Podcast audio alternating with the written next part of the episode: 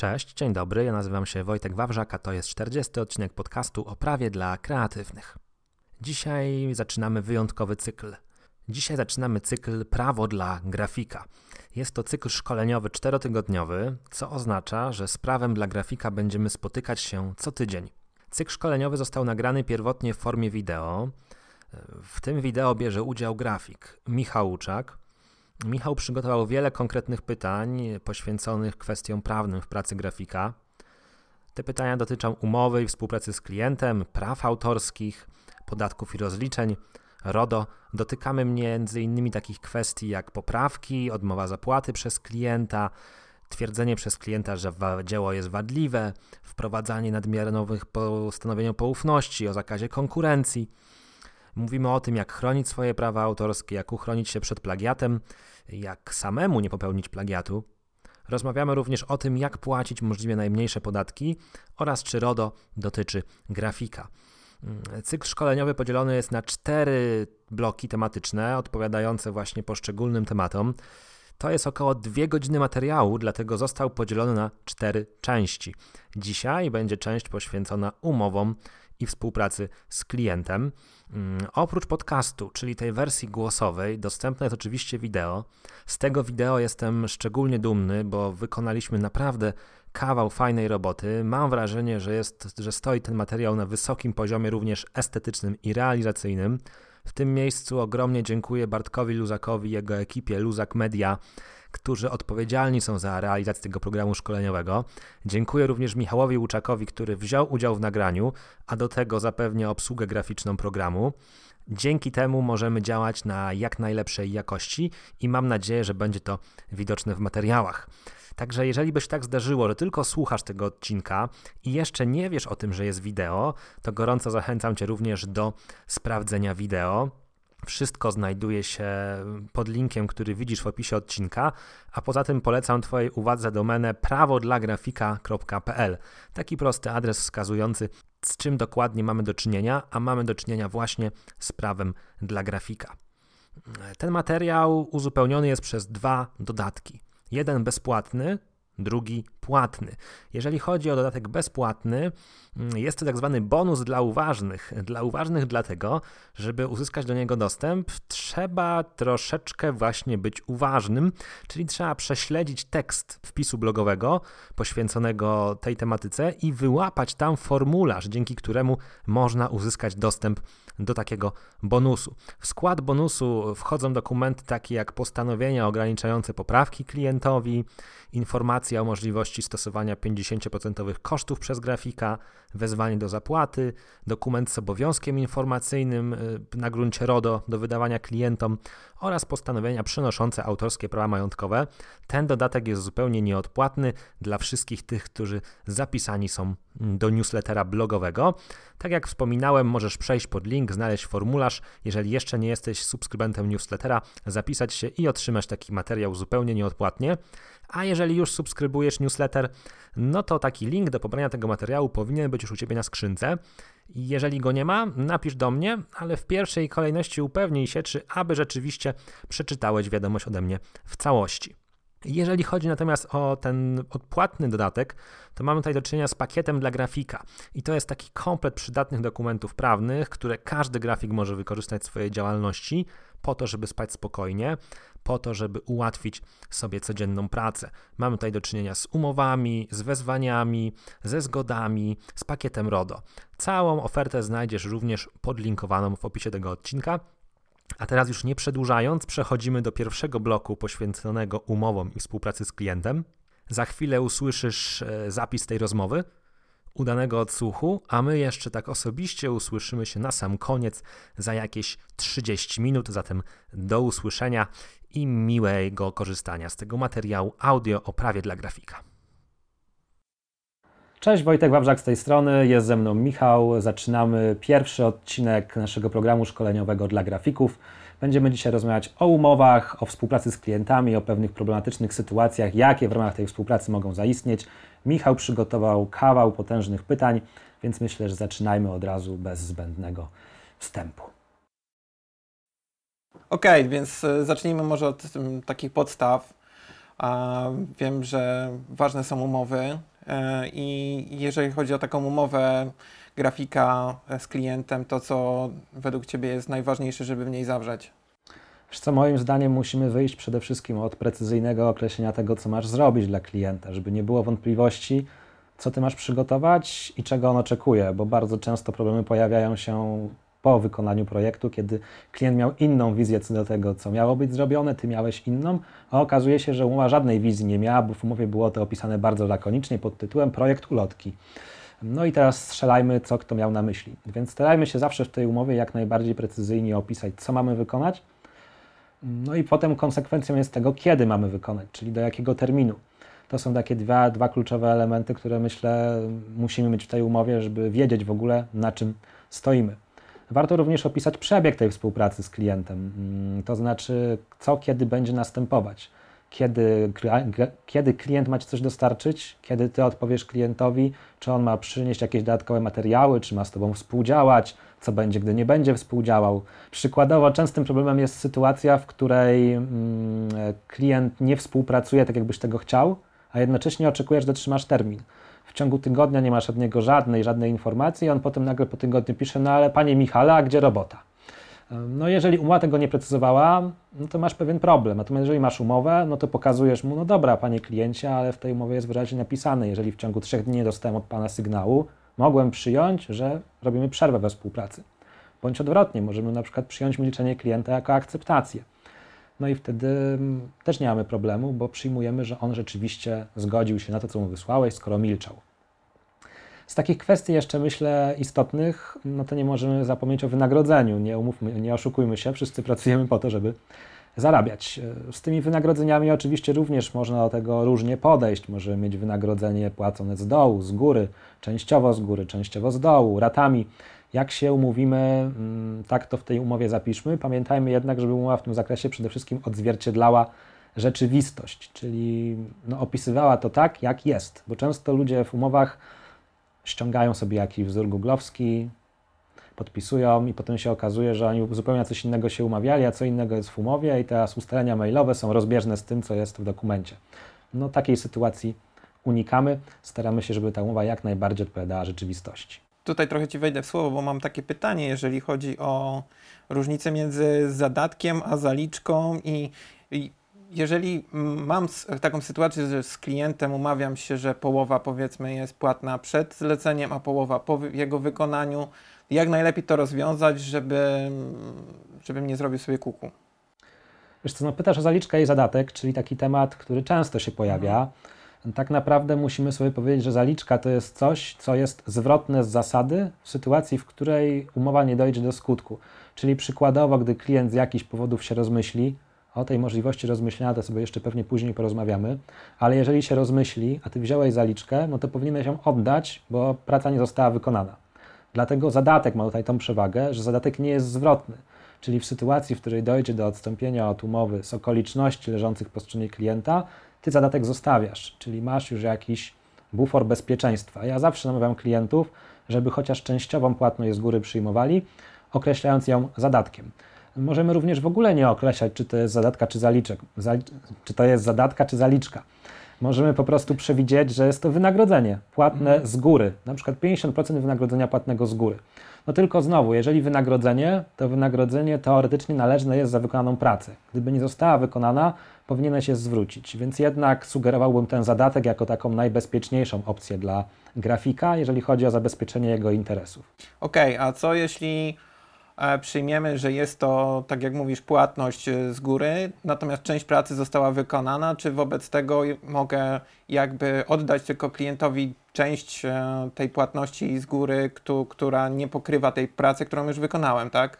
Tak, jak najbardziej. No też się często zdarza. Co więcej, w takich umowach na bardziej skomplikowane projekty często przewiduje się taką procedurę, że projekt może być wykonany częściami i na przykład częściowo go odbieramy, czyli wprowadzamy sobie częściowe protokoły odbioru I często się okazuje tak, że na pewnym etapie klient rezygnuje, bądź mu się zmienia jakaś koncepcja biznesowa i z dalszej części nie chce korzystać, ale ta część, którą wykonałeś, zachowuje dla niego wartość. No więc wtedy jesteśmy w stanie odpowiednio proporcjonalnie to wynagrodzenie podzielić. Tylko, że w takiej sytuacji warto od razu w tej umowie na te poszczególne etapy przypisać im konkretne części wynagrodzenia, żeby potem znowu nie mieć sporu, co jest warte ile. Bo jeżeli Mhm. jest globalna Rozumiem. kwota nie przypisana do poszczególnych etapów, no to potem mamy problem, co było ile warte. Można to uniknąć, precyzyjnie definiując to w umowie. Rozumiem. Czyli przypuśćmy, jeżeli wykonuję dla klienta najpierw moodboarda, ten moodboard może mu się do czegoś przydać, czy ja tak mogę wnioskować, że może mu się to do czegoś przydać, wobec czego powinien mi za to zapłacić, ponieważ jest już to wykonana praca. Tak, jeżeli dzieło jest wykonane prawidłowo, jest wykonane bez usterek i jemu wydałeś klientowi to dzieło, no to po jego stronie powstaje obowiązek zapłaty. I tu jak gdyby znowu wracamy do tego punktu wyjścia, czyli precyzyjnego określenia dzieła. Bo niezadowolony klient z reguły będzie próbował mówić Ci, że to nie jest to, co on chciał dostać. No to w żadnym wypadku miał zupełnie inną wizję. No i jeżeli my w umowie od początku mamy jasno sprecyzowane, na przykład przez jakiś załącznik typu specyfikacja projektu, typu jakieś Twoje wcześniejsze prace, żeby pokazać Twój styl, no to później dużo łatwiej jest odpierać takie argumenty, no bo w sytuacji, w której my byśmy stwierdzili, że rzeczywiście dzieło jest usterkami, no to już to wynagrodzenie mogłoby się nie należeć. Dlatego naszym zadaniem od początku w tej umowie jest podkreślenie, co mamy wykonać, w jaki sposób, jak to będzie wyglądać. E, OK, a teraz wykonałem a, dla klienta e, pracę, powiedzmy bez umowy, ale on chce przeniesienie praw autorskich. Czy to zawsze może, musi się odbywać e, za pomocą umowy? Tak naprawdę. Ja bym rozdzielił dwa fragmenty tej współpracy. Nie? Wykonanie dzieła, czy też projektu, czy czegokolwiek innego kreatywnego, co robisz, i potem ewentualnie przeniesienie praw bądź licencjonowanie. Często zdarza się tak, że na tym pierwszym etapie samego wykonania strony działają nieformalnie. Działają ze sobą jakiś dłuższy czas, bądź mają do siebie zaufanie i po prostu projekt jest realizowany bez umowy pisemnej. Mamy sobie maile, mamy jakiś zapis kon, kon, kon naszej konwersacji i to nam stanowi umowę. Natomiast w sytuacji, w której klient chce nabyć autorskie prawa majątkowe, tutaj mamy dodatkowe wymogi, bo prawo przewiduje, że taka umowa o przeniesienie autorskich praw majątkowych musi mieć formę pisemną. I to nie dlatego, że tak nam się podoba, tylko po to, żeby ona w ogóle była ważna. Jeżeli nie zachowamy formy pisemnej, to do przeniesienia autorskich praw majątkowych w ogóle nie dochodzi. Oczywiście tak naprawdę bardziej powinno zależeć na tym klientowi, bo no to on będzie z tego korzystał. Jeżeli on sobie tego nie zapewni, no to w przyszłości może spotkać się z roszczeniami, że korzysta bezprawnie. Więc de facto to klient powinien naciskać na zawarcie tej umowy na piśmie. Aczkolwiek ja również wychodzę z założenia, że jeżeli ty jako grafik, profesjonalista widzisz, że ten klient jest taki mało ogarnięty i zorientowany, no to też nie do końca warto od razu od początku na nim żyłować już dzisiaj z myślą, że za dwa lata to ja go pozwę o naruszenie praw autorskich, tylko może mu powiedzieć, że słuchaj kliencie, fajnie w twoim interesie byłoby te prawa nabyć. Tym bardziej, że często przy przeniesieniu praw majątkowych mamy kolejną kwestię negocjacji ceny. Mamy wynagrodzenie za stworzenie projektu, no i jakąś kwotę za przeniesienie praw. Jeżeli klient chce w takim i w takim zakresie korzystać, to cena jest taka. Jeżeli w szerszym, to inna. Więc tutaj często jest również jakieś pole do negocjacji, jeżeli chodzi o warunki finansowe. Wspomniałeś, że często mm, współpraca z klientem jest ciągła i wobec tego, czy na przykład możemy podpisać taką umowę, która będzie inaczej skonstruowana, która będzie regulowała, że powiedzmy a, kolejne zlecenia pojawią się na mailu i będą za nie wystawiane faktury. Tak, jak najbardziej to się często zdarza. Mówimy wtedy o tak zwanej ramowie, ramowej umowie o współpracy bądź umowie o świadczenie usług. Częściej mam do czynienia z ramową umową współpracy. To jest taka umowa, która reguluje fakt, że Wy będziecie współpracować. Ona określa, w jaki sposób będą składane zamówienia, jak będzie ustalane wynagrodzenie za każdy projekt, czy to będzie ryczałtowo za każdy projekt, czy godzinowo. Ono przewiduje wszystkie te szczegóły związane z dogadywaniem konkretnych projektów. Natomiast po to, żeby nie zawierać za każdym razem umowy na piśmie, w tej umowie od razu przewiduje się na przykład postanowienia o przeniesieniu autorskich praw majątkowych. I wtedy z takiej umowy wynika, że każdy projekt stworzony na podstawie zamówienia złożonego w ramach tej umowy, no do niego przenoszone są autorskie prawa majątkowe na warunkach określonych w tej umowie. No i to pozwala nam dłuższą współpracę ograć jednym dokumentem, no bo nie oszukujmy się, że też formalizowanie i tworzenie na przykład na 10 współpracy z rzędu pojedynczych umów w takich realiach biznesowych jest mało efektywne, bo zajmuje czas i też generalnie niepotrzebny trud logistyczny. Zwłaszcza jeżeli są to zlecenia ma małe kwotowo, to po co podpisywać umowę na każde zlecenie? No dokładnie. Jest taka sytuacja, że klient dzwoni i potrzebuje coś koniecznie na wczoraj i jakby ta umowa to, to, to jest dla niego w tym momencie za dużo, bo, bo chce po prostu szybkiego działania. No i grafik się zgadza, jak to często bywa. Natomiast, e, natomiast ten projekt w momencie, kiedy jest już wykonany, kontakt nam się urywa z klientem e, i, i jak wtedy możemy się chronić? Jak, jak możemy te pieniądze odzyskać? Myślę, że tak samo jak ja odpowiem, tak ty byś w pierwszej chwili odpowiedział. Jak sobie grafiku nabroiłeś i nie wziąłeś chociażby części z góry, to masz potężne zmartwienie, bo trochę rządzi w życiu zasada, kto ma pieniądze, ten ma władzę. E, natomiast e, no, są oczywiście możliwości prawne, żeby z tym działać. W sytuacji, w której ty wykonałeś projekt, nawet w wyniku ustnych ustaleń, chociażby telefonicznych, to i tak należy ci się wynagrodzenie, bo umowa to niekoniecznie musi być umowa papierowa. Ustalenia mailowe, ustalenia telefoniczne to również jest umowa.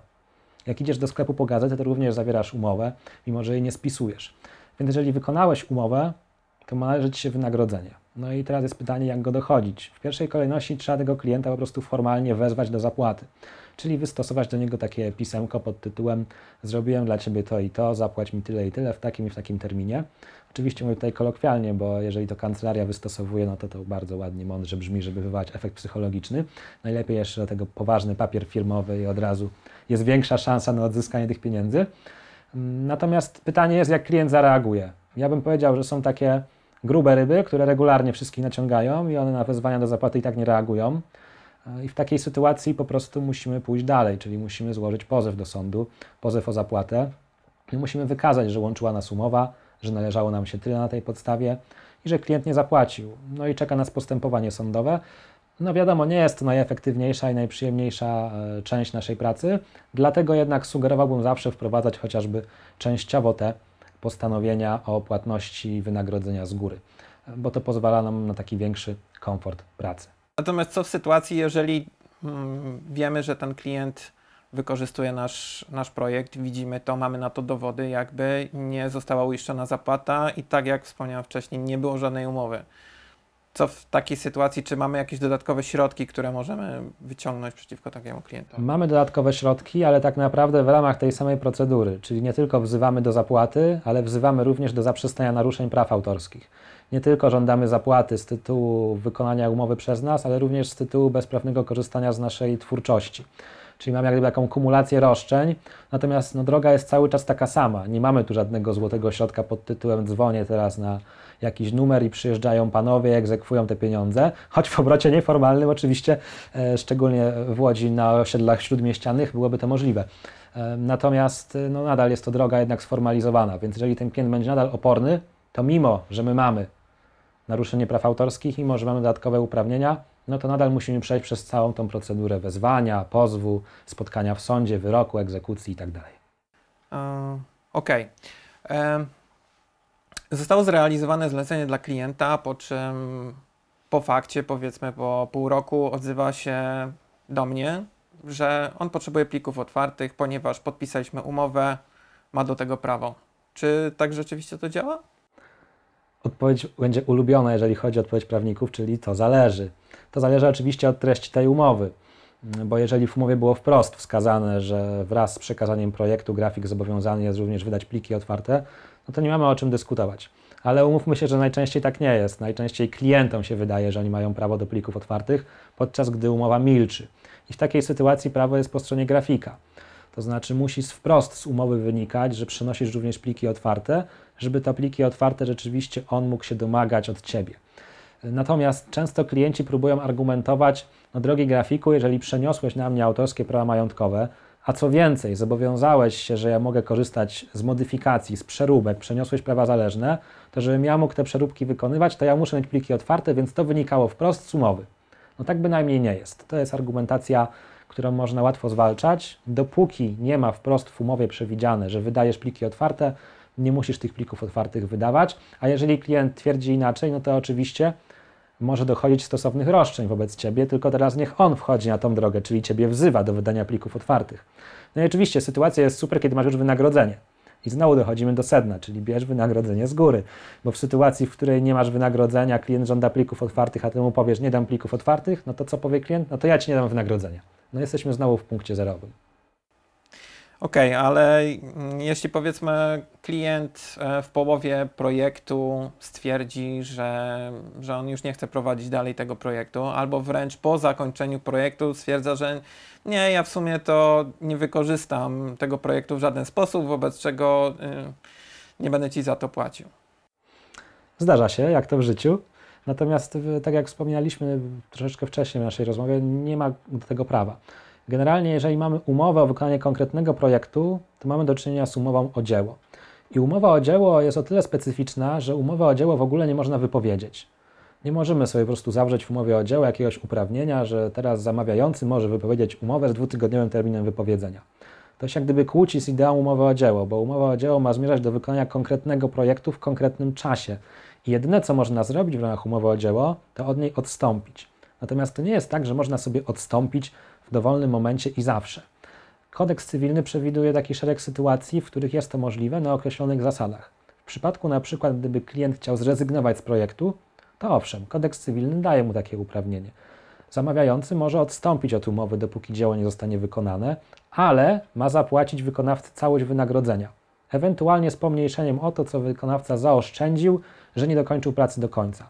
Natomiast to nie jest tak, że on sobie odstępuje i koniec. Jeżeli odstępuje, to musi zapłacić wynagrodzenie. Trochę są inne sytuacje dotyczące odstąpienia w przypadku, kiedy na przykład wykonywałbyś dzieło tak powoli, że byłoby już wiadomo, żebyś go nie ukończył w terminie, a po upływie terminu to dzieło nie miałoby sensu dla klienta, bo na przykład on realizuje jakąś kampanię, ma terminy, inne zobowiązania, nie dowiozłeś terminu, tak wolno pracujesz, że już teraz wiadomo, że nie dowiedziesz tego terminu. No, rzeczywiście od takiej umowy mógłby wtedy odstąpić. No i również nie płacąc Ci już wynagrodzenia, ale to już jak gdyby trochę życiowo czujemy, że, że jest inna sytuacja i takie uprawnienie do niezapłaty wynagrodzenia po jego stronie by było. No i znowu, jeżeli by ten utwór miał usterki, to też się aktualizuje prawo do odstąpienia. Może być tak, że klient stwierdza, utwór ma usterki, wzywa Ciebie, żebyś te usterki naprawił, Ty mówisz, że nie naprawisz, no to on twierdzi, to ja odstępuję od umowy. Natomiast tu znowu wracamy do precyzyjnego określenia dzieła, bo jeżeli nie pozwolimy się zamknąć w tej argumentacji, że dzieło ma usterki, to nie aktualizuje się prawo do odstąpienia, no i nie ma uprawnienia do niezapłaty wynagrodzenia.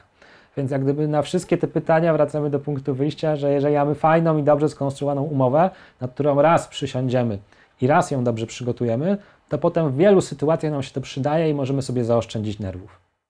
Mądry grafik po szkodzie zazwyczaj. Nie tylko grafik. Okej.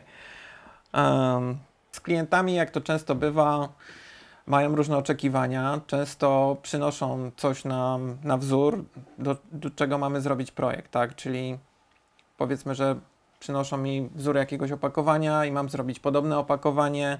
I w takim wypadku, kto będzie miał problemy, jeżeli e, autor wcześniejszego, e, czy, czy właściciel praw autorskich do wcześniejszego, do tego wzorowego opakowania się odezwie do nas, to kto będzie miał z tego powodu tak naprawdę problem?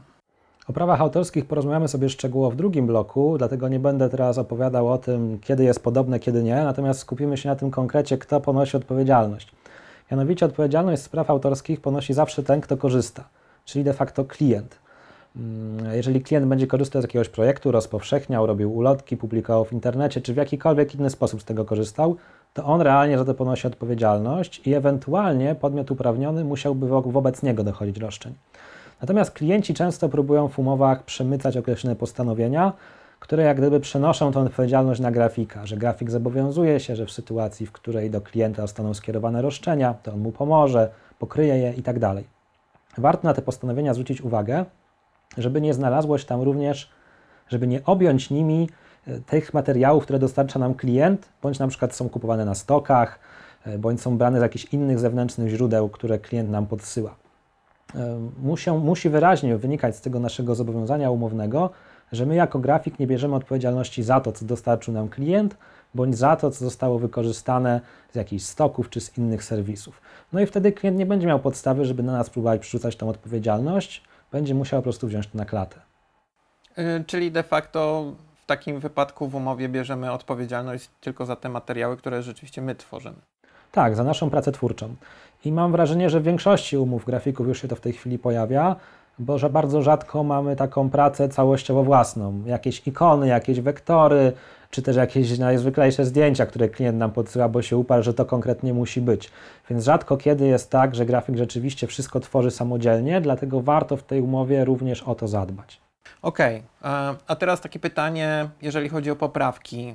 Mam klienta, który, któremu coś się nie podoba mm, w projekcie i to jest oczywiście naturalne, bo, bo to się często zdarza, natomiast jakby po pierwszej, drugiej, trzeciej fazie poprawek ciągle coś próbuje zmieniać, próbuje czasami nawet powiększać e, zakres e, tego projektu i tak naprawdę projekt kończy, e, trwa w nieskończoność, tak? I co, co, co w takiej sytuacji, jak temu przeciwdziałać w ogóle?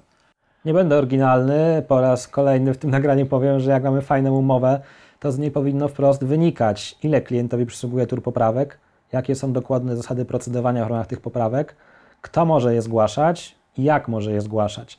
E, bo teraz już w zasadzie mam wrażenie, że graficy się trochę przyzwyczaili, żeby w tych umowach te poprawki regulować, ale nadal ograniczają się do jakiegoś krótkiego sformułowania, że klientowi przysługują trzy tury poprawek, a potem klient, który próbuje ten zapis omijać, przesyła sobie te poprawki, na przykład twierdzi, że trzy tury, ale w 14 mailach. No i pytanie, czy to są nadal trzy tury, bo on sobie podzielił 14 przez 3 i tam sobie wybrał, że ta ilość maili to jest jedna tura, ta druga, ta trzecia.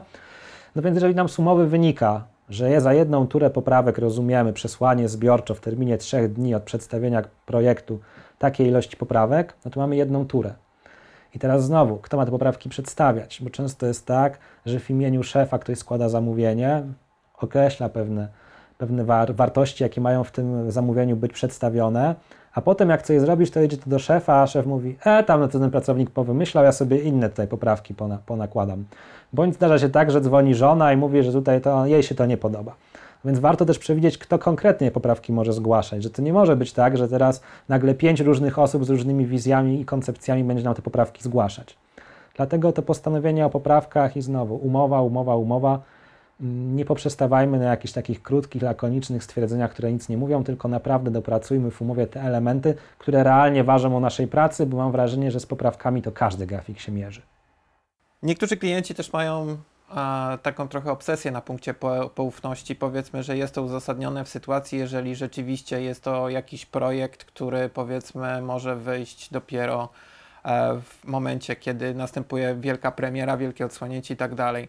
Natomiast e, często klienci, którzy nie, nie potrzebują zupełnie tego, e, zawierają jakieś klauzule o poufności.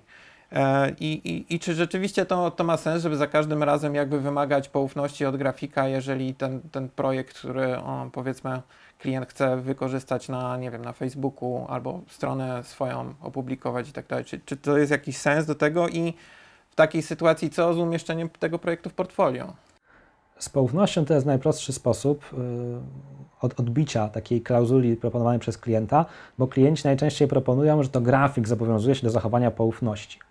No więc y, taki grafik, który dobrze w tych umowach się obraca, w tym momencie pisze do klienta, OK, to napiszmy, że obie strony są zobowiązane do zachowania poufności, również klient jest zobowiązany do zachowania poufności w zakresie tego, co przekazuje mu grafik. I wtedy nagle magicznie okazuje się, że poufność sumowy znika, bo oni poufności nie potrzebują. W sumie skonsultowali ze swoim działem prawnym, poufność zbędna. No bo rzeczywiście, jak gdyby ta poufność często pojawia się jakiego automatu. Mamy jakiś tam szablon umowy, nawet jeżeli ktoś nam przygotował jakiś prawnik, czy jakiś rzeczywiście dział prawny, to tak z automatu tą poufność wklepujemy w każdą umowę. I często zdarza się tak, że samo przesłanie umowy do analizy prawnikowi już jest złamaniem poufności, bo na przykład w umowie jest powiedziane, że warunki umowy są poufne i tylko grafik może je znać. No i grafik wysyła do prawnika i tym samym narusza poufność.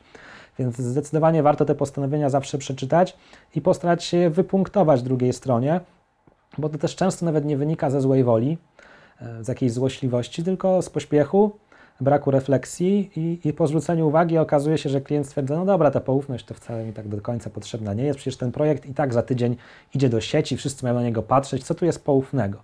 No oczywiście jest trochę inna sytuacja, jak wspomniałeś, kiedy robimy jakiś projekt, nie wiem, wielką kampanię, która za dwa lata będzie miała premierę, bądź rzeczywiście klient dopuszcza Cię do jakiegoś know-how swojej firmy, żeby Ci przedstawić, jak ona funkcjonuje, w jakimś kontekście jest osadzona i rzeczywiście to chce objąć poufnością. To wtedy ma to sens. Mm, jak najbardziej jest to uzasadnione. Natomiast jeżeli chodzi o to portfolio, bo jeszcze pytałeś o tą poufność i portfolio, to jest też częsty problem, że klienci jak gdyby próbują blokować portfolio grafika, mm, posługując się tą poufnością. No i znowu, tu też można łatwo to odeprzeć, mm, bo informacje poufne to są takie informacje, co do których podjęto jakieś kroki, żeby nie zostały upublicznione. Jeżeli klient sam z tego projektu korzysta publicznie, to nie jest projekt wewnętrzny, tylko hula sobie po sieci, no to jakim naruszeniem poufności jest publikowanie go w portfolio? To już w ogóle nie będzie temat poufności, tylko temat praw autorskich, o których porozmawiamy sobie w kolejnym bloku. Natomiast ogólna refleksja jest taka, że ta poufność z reguły wymaga pochylenia się i zastanowienia się, czy ona jest w ogóle sensowna. Jeżeli uważamy, że nie, to powiedzenia klientowi o tym i zwrócenia uwagi na kary umowne, bo często przy tych postanowieniach o poufności od razu są kary umowne, czyli jeżeli tylko przekażesz umowę swojemu prawnikowi, to masz zapłacić milion złotych. Generalnie moim zdaniem to dużo też mówi o kulturze biznesowej i w ogóle o tym, kogo mamy po drugiej stronie. Bo okej, okay, może, może nam ktoś przesłać swój wzór bezrefleksyjnie, ale jak my mu zwrócimy uwagę, to on zareaguje. Natomiast jak my mu zwrócimy uwagę, on powie oburzony, nie, że to musi zostać, no to ja bym się pięć razy zastanowił, czy taka współpraca ma sens. Więc takie czytanie umów nie tylko jest taką, powiedzmy, prawną upierdliwością, co też pewnym sposobem weryfikacji tej drugiej strony. No dobrze, a w sytuacji, jeżeli rzeczywiście klient ma jakiś know-how, który potrzebuje chronić i musi go nam przekazać, abyśmy dobrze wykonali projekt, w jaki sposób według Ciebie to powinno zostać określone w tej umowie? Bardzo precyzyjnie, czyli nie posługiwać się zwrotami pod tytułem wszelkie informacje technologiczne przekazane przez klienta stanowią tajemnicę przedsiębiorstwa, bo teraz tak, co to są wszelkie tajemnice technologiczne? O czym my w ogóle mówimy? Jeżeli klient rzeczywiście ma coś, na czym mu zależy, to on powinien wiedzieć, na czym dokładnie mu zależy i wtedy w tej umowie wypunktować, że chodzi o takie i takie konkretne informacje wtedy ma to sens, y, bo to jak gdyby jest na tyle doprecyzowane, że ty wiesz, czego się trzymać i też masz tą pewność, że klient ci za chwilę nie powie, że sam fakt współpracy z nim to jest informacja poufna. Czyli dobrze doprecyzowujemy zakres. Dobrze doprecyzowujemy zakres, tak jest. Co jeśli jest sytuacja jeszcze bardziej jakby skomplikowana, bo klient nam w ogóle chce zakazać, e, jest tak zwany zakaz konkurencji, tak? Czyli klient chce zakazać nam pracy dla albo dla innych klientów w ogóle, albo dla klientów z danej branży i co w takiej sytuacji powinniśmy zrobić? Ja, czy, czy można to w ogóle jakoś obejść, czy, czy jak, jak to powinno zostać sformułowane? Obejść to będzie ciężko. Jeżeli my nie zadbamy o to, żeby w umowie to było odpowiednio skonstruowane, to potem tego nie obejdziemy. Wszystko jak gdyby odbywa się na etapie negocjacji tej umowy, zawierania umowy. Do mnie często zgłaszają się klienci już po szkodzie, czyli zawarli umowę z jakimś szerokim zakazem konkurencji i nagle właśnie pytają, jak to obejść. No nijak obejść, y, chyba że cię po prostu ta druga strona wyraźnie zwolni z zakazu konkurencji. Natomiast z tym zakazem konkurencji jest to jak z poufnością, czyli on często ląduje w umowach tak bezrefleksyjnie, a mamy jakiś zakaz konkurencji, to wpiszemy. I potem się nagle okazuje, że jak przeczytasz ten zakaz konkurencji, to de facto przez najbliższe 10 lat powinieneś w ogóle zrezygnować ze swojej pracy jako grafika, bo to obejmuje wszelką działalność konkurencyjną wykonywaną na rzecz kogokolwiek, łącznie z zasiadaniem zarządów spółek jakiś tam. E, więc de facto te postanowienia rzeczywiście są mocno inwazyjne. Inna kwestia, że bardzo często można by skuteczność tych postanowień zwalczać, powołując się, że one idą za daleko, są nadużyciem, ale po co martwić się o to po fakcie, kiedy można o to zadbać na początku? Więc znowu czytamy tą umowę. Jeżeli nie rozumiemy, to dajemy komuś, kto ją zrozumie i wytłumaczy, na czym polega ten zakaz konkurencji i negocjujemy. Mm, wskazujemy klientowi, że nie jesteśmy w stanie się zgodzić, bo po prostu to sprawia, że my bylibyśmy jakimś jego niewolnikiem. I okej, okay, niewolnictwo jest zniesione, ale my możemy być tym niewolnikiem, tylko drodzy, drogi kliencie, zapłać odpowiednią kwotę, tak, żebym ja przez ten okres konkurencji oczywiście mógł się powstrzymać. No bo często klientom się wydaje, ja ci zakażę konkurencji, ale zapłacę ci za jeden projekt. Tak, zrób dla mnie tutaj proste logo, ale przez 5 lat zakaz konkurencji. No to nie ma żadnego sensu wtedy. Więc ja znowu analiza umowy i reagowanie. Ok, co w sytuacji, jeżeli mam umowę z klientem podpisaną na rok, jestem zawarty zakaz konkurencji i teraz e, chcę współpracować z, po ustaniu tej umowy, chcę współpracować z inną firmą z tej samej branży, a tak został określony powiedzmy zakres. E, natomiast klient mówi, że nie mogę tego robić, ponieważ mam ten zakaz konkurencji, tak? No, wiesz, najpierw patrzymy do umowy, bo to, o czym mówisz, to jest tak zwany temat e, zakazu konkurencji po ustaniu współpracy. Jeżeli byłeś pracownikiem etatowym, to jesteś w najlepszej sytuacji, bo taki zakaz konkurencji po zakończeniu zatrudnienia jest dopuszczalny pod warunkiem, że jest związany z odpowiednim wynagrodzeniem, tak zwanym odszkodowaniem za powstrzymanie się od tej działalności konkurencyjnej. Dlatego najczęściej w przypadku umowy o pracę zakaz konkurencji po umowie nie, nie obowiązuje, bo, bo, bo to się nie opłaca. Natomiast w przypadku umów B2B często przedsiębiorcy próbują przemycać te zakazy konkurencji po ustaniu współpracy i tu jest kontrowersyjne, czy to może się odbywać bezpłatnie, czy nie może się odbywać y, bezpłatnie. Moim zdaniem nie może odbywać się bezpłatnie i można by taki zakaz konkurencji próbować skutecznie zwalczać, twierdząc, że jest to nadużycie prawa podmiotowego, no dlatego, że w ramach jednego wynagrodzenia, które kiedyś dostałem, pozbawiony jestem możliwości zarobkowania na przykład jeszcze przez rok. Jeżeli tak ma być, to ja muszę mieć jakąś rekompensatę z tego tytułu. Więc jeżeli my widzimy w swojej umowie zakaz konkurencji po ustaniu współpracy, to od razu pytajmy o wynagrodzenie za ten fakt. No i najczęściej reakcja będzie taka, przemyśleliśmy sprawę, była analiza z działem prawnym, nie potrzebujemy zakazu konkurencji po ustaniu współpracy. No i temat załatwiony.